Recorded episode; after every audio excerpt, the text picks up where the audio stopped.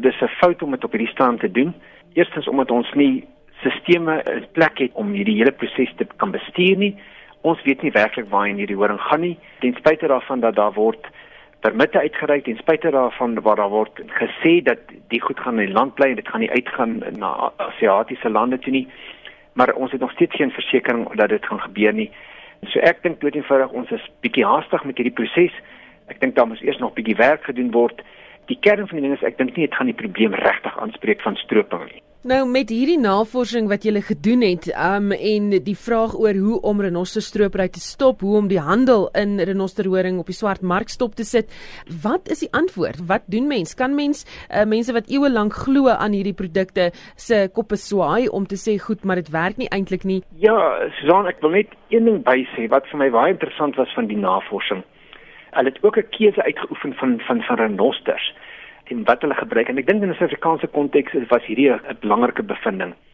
Hulle verkies renosters wat in 'n wildreservaat soos Kreer loop, verkies hulle bo 'n renoster wat in 'n teelprogram uh, al wil ek sê gekweek is.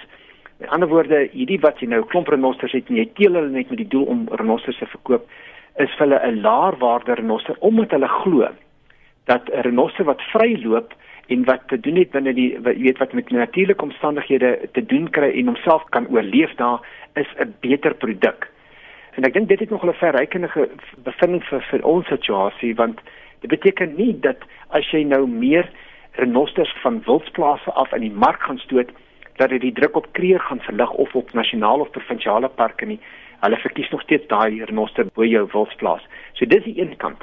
Die ander kant is En ons het dit juis met die Vietnamese navorsers uitgeklaar want hoe hoe los ons dit op?